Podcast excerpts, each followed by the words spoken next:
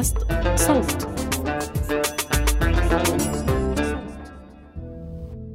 أنا دايما بلاحظ إن الإعلام بيركز على صورة نمطية معينة للنساء وكذلك صورة نمطية معينة للرجال. وده اللي بيساهم في تعزيز العنف. السينما تقدر تلعب دور كبير. أفتكر بالتغير التفكير الناس وش يفتهمون عن حياة النساء وينطي شجاعة للنساء نفسهم. يشوفون أحد على الشاشة تطلب بحقها وما خايفة. الرسالة السلبية دي اتبنت على مدار سنين وعلى مدار طبقات عديدة. آه لازم أبتدي أبني الرسالة الإيجابية تجاه إزاي أنا آه كمجتمع ما بقاش متسامح مع العنف. الإعلام منظومة ضخمة من الأخبار للإنترنت للمسلسلات والأفلام والإعلانات وصولاً إلى البودكاست. وهناك الكثير من المنصات الإعلامية اللي تستعير من الواقع وتوثقه. أو تستوحي منه. والعكس صحيح أيضاً. الكثير من الرسائل الإعلامية تهدف إلى التأثير والتغيير في الواقع المعاش. وبما أن الواقع في شوائب كثيرة مثل جرائم العنف ضد النساء شلون هذا الشيء بينعكس على المحتوى الإعلامي؟ شلون ممكن الإعلام اليوم يكون الأداة العملية اللي تعزز آمالنا في التغيير المجتمعي وتقلل التطبيع مع أشكال العنف؟ وشلون في الوقت نفسه ممكن هذه الأداة تهدم كل التحركات المجتمعية وتكون جزء من تفاقم اللامساواة بحق النساء والفتيات. أهلا بكم، أنا فاطمة، وهذا بودكاست مساواة. في هذا البودكاست بنفتح النقاش حول ديناميكيات العلاقة في الأسرة، ونفككها من منظور نسوي إسلامي. من خلال هذا البرنامج راح نتخيل شلون ممكن نحقق المساواة بين أفراد الأسرة، تحديداً في حلقتنا لليوم بنركز على الخطاب الإعلامي وتأثيره على المجتمع. بنحلل مع ضيفاتنا المواد المنشورة في الإعلام ودورها في رفع الوعي والوعي المضاد تجاه قضايا حقوق النساء.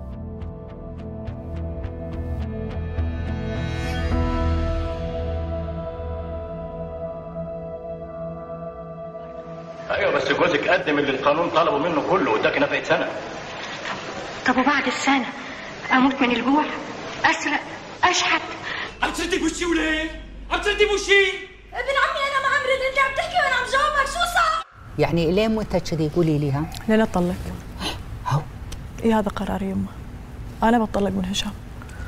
وأنا ألف مرة قلت ما عندنا بنات يطلقون قدامك حل من الاثنين يا شفيقة. يا تدخلي فورا ومن غير نقاش تغيري المسخرة اللي انت فيها دي يا إما ورحمة أبويا وأبوكي. ما هتعتبي بره باب أوضتك. هذه مجرد عينة من الأفلام والمسلسلات والبرامج التلفزيونية اللي نتلقاها كجمهور عربي. نلاحظ أن كثير منها يوضع المرأة في إطارات بعضها يعالج مشاكلها بشكل مباشر والآخر يعرض تعنيفها وتحجيمها وإهانتها كأمر مقبول مجتمعياً. إحنا عارفين الرسالة الإعلامية مش لازم تبقى مسلسل أو فيلم أو مقال بس ممكن تبقى برنامج حواري والضيف والمذيع أو المذيعة أو الضيفة بيرسخوا الفكرة معينة بيمرروها عبر البرنامج. هذه الأستاذة رشد ويدار كاتبة مصرية حاصلة على ماجستير في الجندر والتنمية وباحثة ومترجمة بحركة مساواة. فإحنا لو بصينا على البرامج الدينية بعضها هنلاقيه حد بيبعت يسأل تساؤل وفي شيخ مثلا موجود أو حد متخصص أكاديمي بيرد على السؤال هتلاقي الأسئلة ماشية في سكة إيه واحدة بتروح تسأل إن جوزها بي ممكن يكون بيعمل حاجة مش مناسبة بيضربها بيخونها بيتجوز عليها. كل الحاجات دي دايما بنلاقي فيه تبرير كبير إن إن الراجل ما ما تدوريش وراه مش مهم. طب ما هو لو بيخونك مش لازم تعرفي ده حسابه عند ربنا ما ربنا اللي هيحاسبه انت مش ربنا. في نوع من أنواع التقليل الكبير من أخطاء أما تتعمل عن طريق الراجل لكن التهويل الكبير جدا ما تعمل عن طريق الست. فبالتالي بتلاقي إن إن الست لو عملت لو شكوا في سلوكها بس بتتقتل في كذا مجتمع عربي وكلنا عارفين الكلام ده وفي إحصائيات مخيفة يعني. برأي الأستاذة رشا الإعلام ينمط الرجل والمرأة معا وذلك له تبعات سلبية غالبا. وبالتالي يروج للعنف ضد النساء. وفي كثير من الأحيان محاولات الإعلام للتأثير الإيجابي بتكون منقوصة لأن الإعلام لوحده ما يمكنه تغيير سلوك مجتمع بأكمله.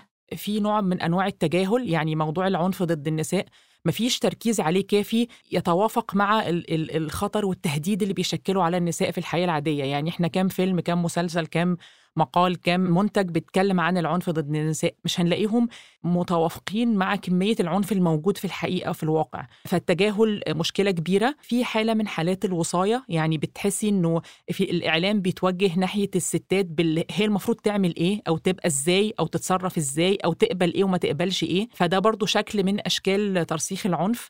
بيبقى موجود وطبعا التنميط يعني تنميط صورة الست الكويسة أو الست ال- ال- المرأة الصالحة أو يعني من خلال عدة منتجات إن هي تبقى هي بتستحمل هي بتصبر هي بتقبل عشان البيت يستمر وهي ده النموذج الصح. وفي المقابل بنحط برضو نموذج للراجل اللي هو لازم يبقى مسموح له يبقى عصبي مسموح له يزعق مسموح له لو اتعصب بيضرب فبنحط نموذجين متناقضين وهم مش واقعيين وبنعزز ده كمان بالخطابات الدينية اللي هي بت- بتأسس إن ده مقبول دينيا وده مش صحيح.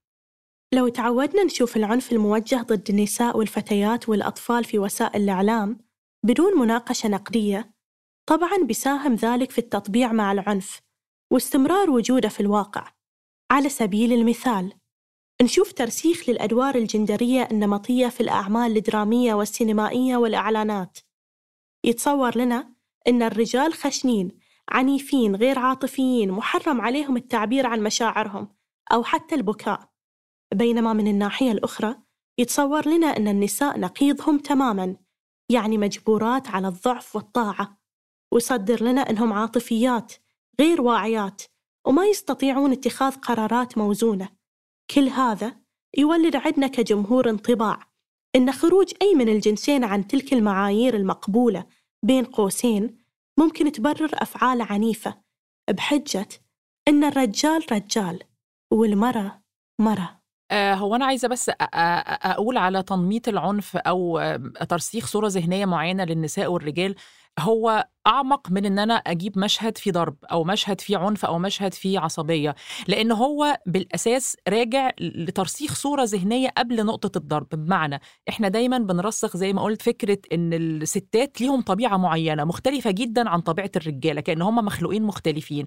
وبعزز الفكرة دي إزاي؟ يعني أقول مثلا أبرز من خلال كذا منتج إعلامي وبرامج إن الستات دول عبارة عن هرمونات تمشي على الأرض. هم كل تفكيرهم عاطفي وما عندهمش عقل ما عندهمش منطق. وهم كل اهتماماتهم يطبخوا ويعملوا تجميل ويحطوا make up وكده. فهتلاقي أي برنامج متوجه للستات متوجه للنوع ده من الاهتمامات. وبالتالي لو أنا مثلا عندي ست عالمة مثلا عملت إنجاز علمي مثلا أو مهندسة كبيرة أو فنانة أو أي حاجة ما بركزش قوي على الحتة دي لأن بركز أكتر على إن الستات هم كده يعني هم مخلوقات سطحية انت عايزة حتى ما نيجي نتكلم على الستات يقول لك أما تبقى. أنت متخانق مع مراتك وفي عز الخناقة عشان تخلص الخناقة أقول لها الله انت لابسة بيجامة حلوة تصدير الصورة النمطية مو بالضرورة يكون بأسلوب صارخ أو فج أو مباشر على فكرة لكن ممكن يكون خفي ومبطن. بعد ما الجمهور يتعود على فكرة أن النساء كائن ضعيف وتبعي ومو كيان مستقل يصير من السهل ننزع الصفة الإنسانية عن النساء ويصير المجتمع متساهل لأي فعل عنف قد يقع ضد المرأة. على سبيل المثال خلونا نراجع بعض المحتوى الإعلامي الكوميدي التنميطي. بيظهر لنا مشاكل النساء على إنها غير أولوية. ويحسسنا أن أوجاعهم النفسية والجسدية مجرد مادة مضحكة ويختزل صدماتهم على إنها ردات فعل بيولوجية أو هرمونية.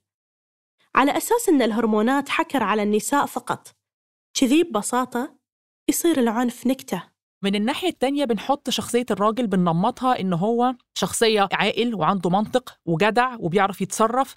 فبالتالي لما يحصل موقف ست تتصرف فيه كويس نقول دي الست دي دي دي ب 100 راجل دي راجل. فبالتالي إحنا كده بنعظم فيها وبنفخم فيها. لكن لو لو راجل عمل تصرف فيه عاطفة فيه حنان ما نقدرش نقول عليه ده ست.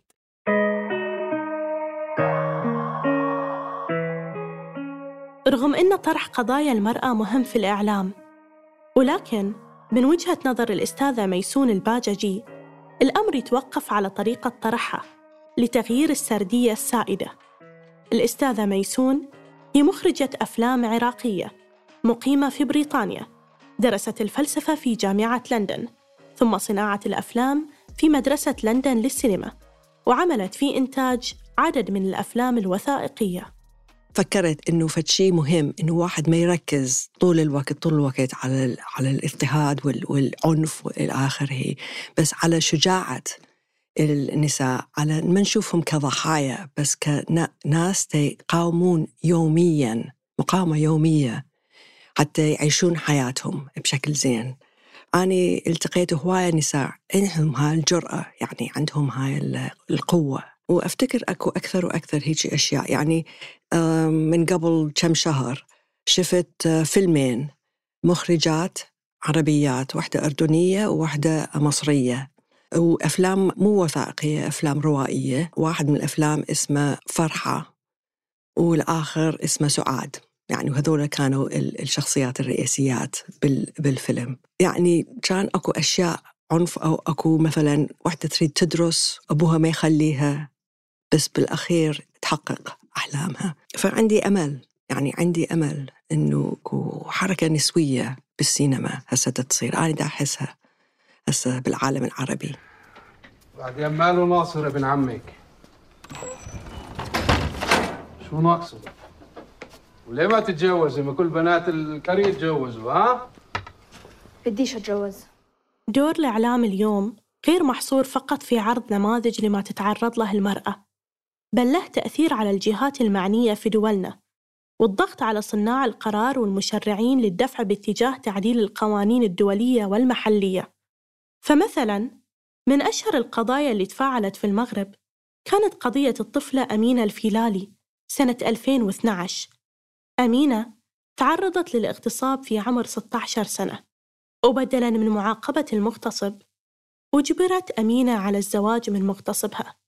بعد أقل من سنة شافت فيها أمينة تعنيف وإهانة وتجويع أقدمت على إنهاء حياتها. هذا الحادث كان له صدى واسع في الإعلام وأثار ردود أفعال كثيرة على المستوى المحلي والدولي حول ظاهرة زواج القاصرات بالإضافة إلى القانون اللي يسمح بتزويج المغتصبة للجاني وفقا للمادة رقم 475 بالقانون المغربي الجنائي فإن الدعوى القضائية يمكن أن تسقط عن الجاني في حالة زواجه من الضحية وبناء على هذا أهل أمينة فرضوا عليها الزواج من مغتصبها. بحجة إنقاذ شرف العائلة. أمينة الفلالي أنهت حياتها بعدما أجبرت على الزواج من شخص افترس براءة سنواتها الستة عشر.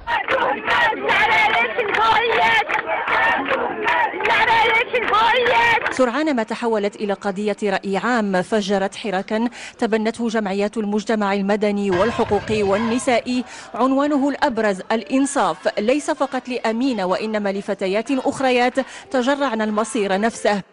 هذه القضية أثارت الرأي العام في المغرب وطالبت الجمعيات الحقوقية والنسوية بالنظر في هذه المادة اللي أدت إلى تعرض الفتاة إلى اغتصاب متكرر. الأول هو جريمة الجاني المباشرة والمرة الثانية كانت بفعل القانون اللي سمح للجاني بالإفلات من العقوبة ومكافأته بتزويجه من الضحية. أما الثالثة بسبب العادات والتقاليد الاجتماعية. اللي خلت الأهل يجبرون بنتهم القاصر على الزواج من مغتصبها. وأخيراً بعد عدد من الاحتجاجات الشعبية وجهود منظمات المجتمع المدني ألغيت المادة عام 2014 القانون مهم جدا لأنه سيف على رقبة الكل. أنا عندي موقف متسامح مع العنف أو موقف مناهض للعنف بس لو القانون ماشي عليا أنا هنفذ القانون. فطبعا القانون مهم جدا يعني. ومثل ما مهم نتكلم عن القوانين المحتاجة تعديل فمهم أيضا ننظر لداخل هذه القوانين وطريقة تطبيقها بحيث نوصل للثغرات الحقيقية ونوصل الرسالة الإعلامية وأهدافنا بشكل أوضح لصناع القرار. الفكرة إن أنا عايزة الإعلام يحط إيده على المشكلة اللي موجودة في في في, في تنفيذ القانون لأن ممكن القانون يكون كويس بس الإجراءات بتاعته تبقى آه، تنفيذها بيبقى فيه تلاعب. يعني مثلا المطلقة تستحق النفقة مثلا. هتلاقي مثلا يجي النفقة طب النفقة نروح المحكمة تحاول تشوف دخل الزوج الزوج يتلاعب في الدخل وهكذا. ده مثلا مثال واحد. ففي أمثلة كتير إن ممكن القانون يبقى منصف بس إجراءاته ما تبقاش منصفة. فهو فكرة العمل الفني أو الإعلامي إن هو بيقدم لك المشكلة في قالب مفهوم ومقبول وانت هتستوعبي المشكلة جاية منين. فبالتالي صناع القرار يقدروا من هنا يشوفوا حلول تكون أكثر ارتباطا بالواقع. وبناء عليه قررت المحكمة إحالة قانون الأحوال الشخصية للمحكمة الدستورية العليا لبيان العوار الدستوري فيه. رفعت الجلسة.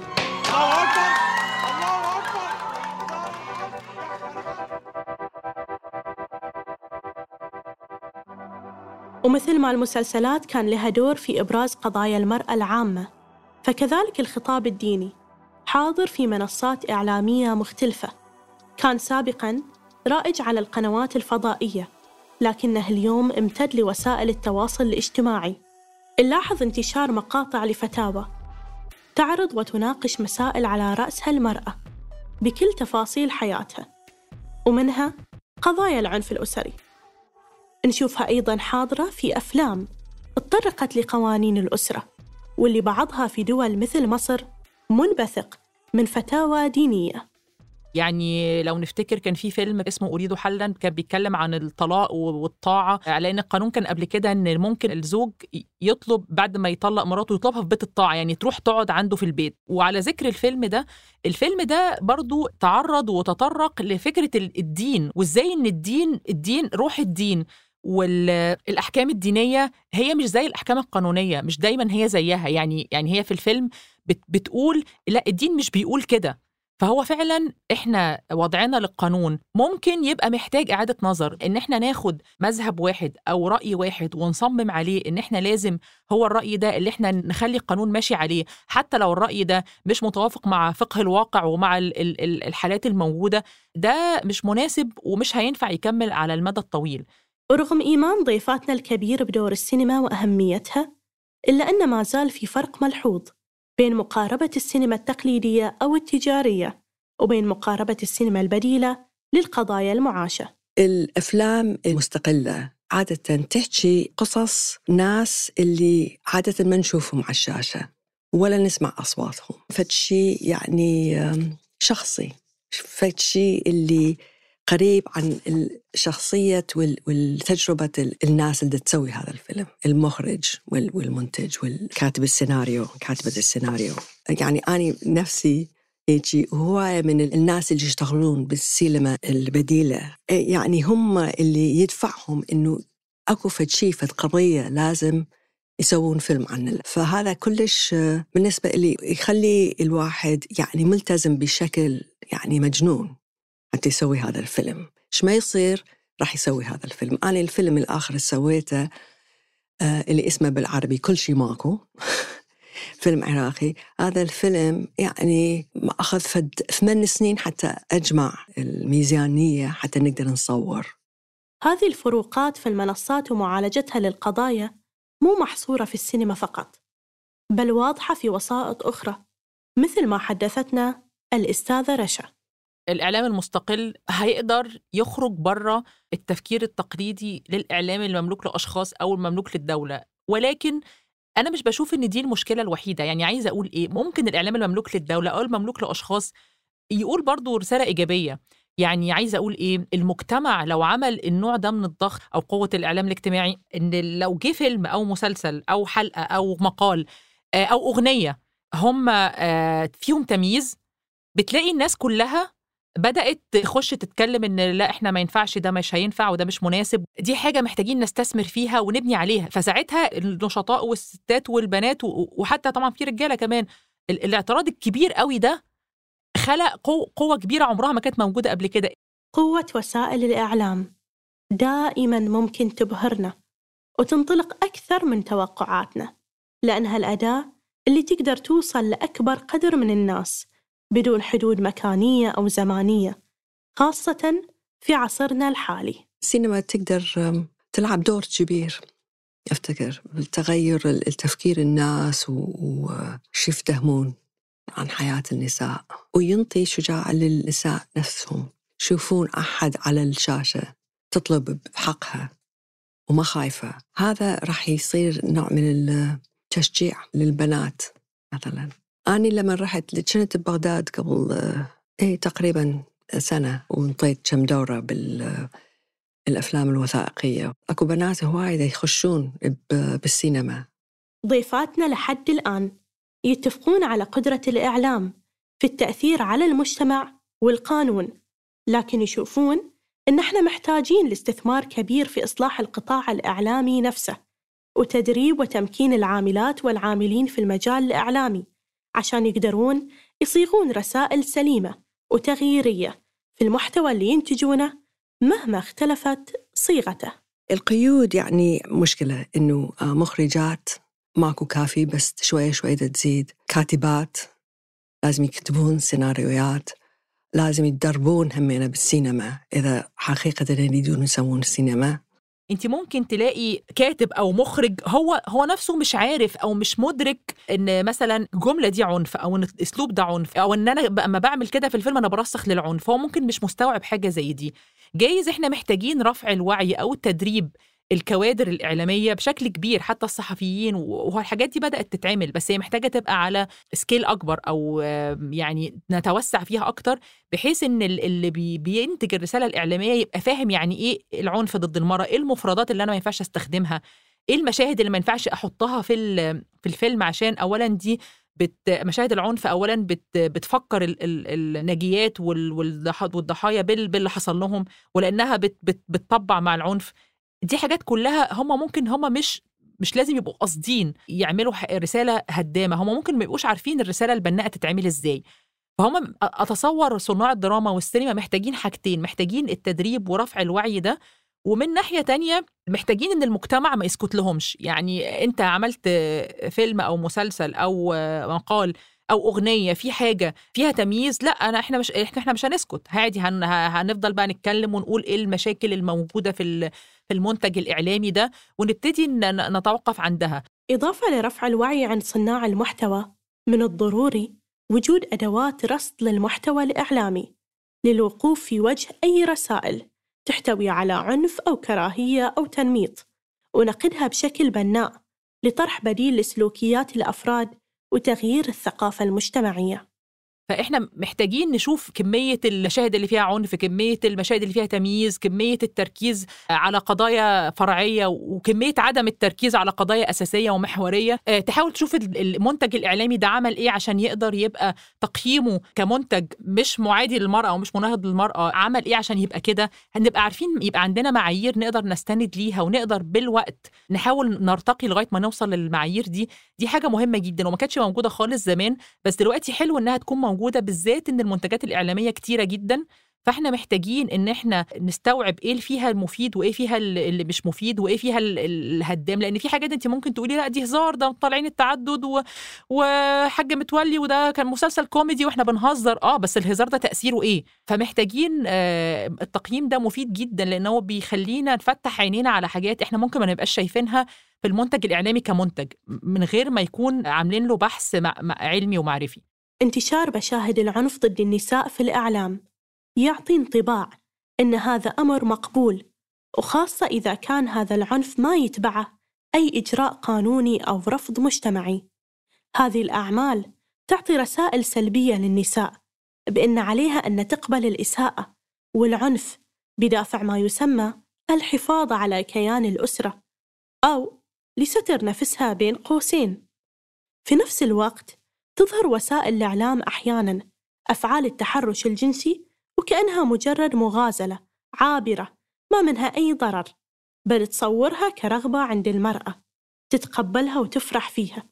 وينعكس هذا على تشجيع ثقافة التحرش والتصدي له لأن يكون معظم الأشخاص في المجتمع متقبلين للأمر ويشوفون إنه موضوع عادي. أحس إن دي حاجة آه لأ دي مش مظبوطة ما, ما تصالحش معاها ما, ما بقاش مطبعة مع إن. إن الستات بتتضرب وبيحصل لها اغتصاب وبيحصل لها اغتصاب زوجي وأقول أصل ما هو جوزها ما يعمل فيها اللي هو عايزه لأ يعني إحنا لازم يحصل تفكيك لحالة التقبل دي من خلال برضو مع الوقت يعني هي مفيش حاجة هتحصل بين عشية وضعها زي ما بيقولوا يعني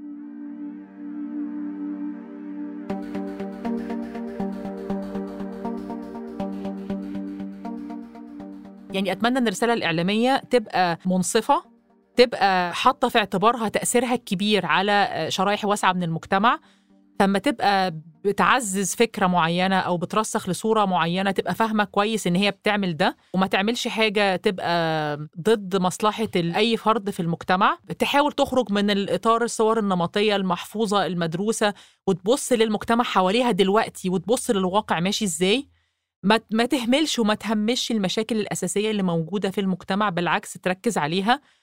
تبتدي تعمل محتوى جاد محتوى مناسب لعقلية المشاهد. يبقى ماشي ناحية إن العلاقة تشاركية بين الرجال والنساء. ما هياش علاقة حد مسيطر وحد مستسلم. يبقى الطرح فيه اتزان. يبقى لغة الطرح ما هياش مهينة للستات ولا للرجالة ولا لأي فرد في المجتمع.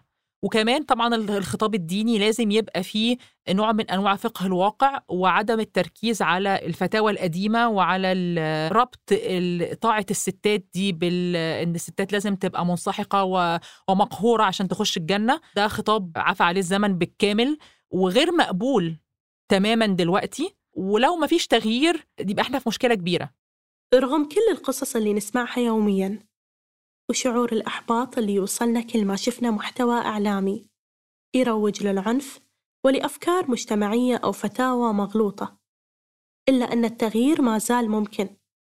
لو بادر كل شخص منا وأخذ خطوة لقدام بما يتناسب مع إمكانياته لغاية ما نوصل كلنا للمنطقة اللي نطمح لها بدل ما نكون كلنا منتظرين أحد يتحرك. لأن بالنهاية مشوار التغيير هو تراكمي. وعملنا الجماعي كأفراد ومؤسسات هو اللي راح يحقق التأثير الإعلامي ويساهم في تغيير العقلية المجتمعية.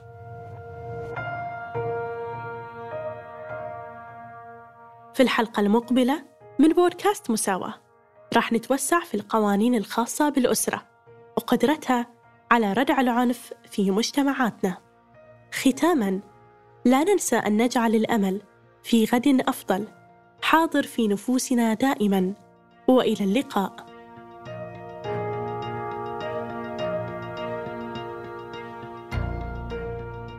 كنت معكم من البحث والكتابة والتقديم أنا فاطمة ومن الإنتاج فريق صوت. استمعوا إلى بودكاست مساواة على التطبيقات اللي تفضلونها واشتركوا عشان توصلكم تنبيهات الحلقات الجديدة. بودكاست مساواة من إنتاج صوت. لا يعبر المحتوى بالضرورة عن آراء الشركة المنتجة.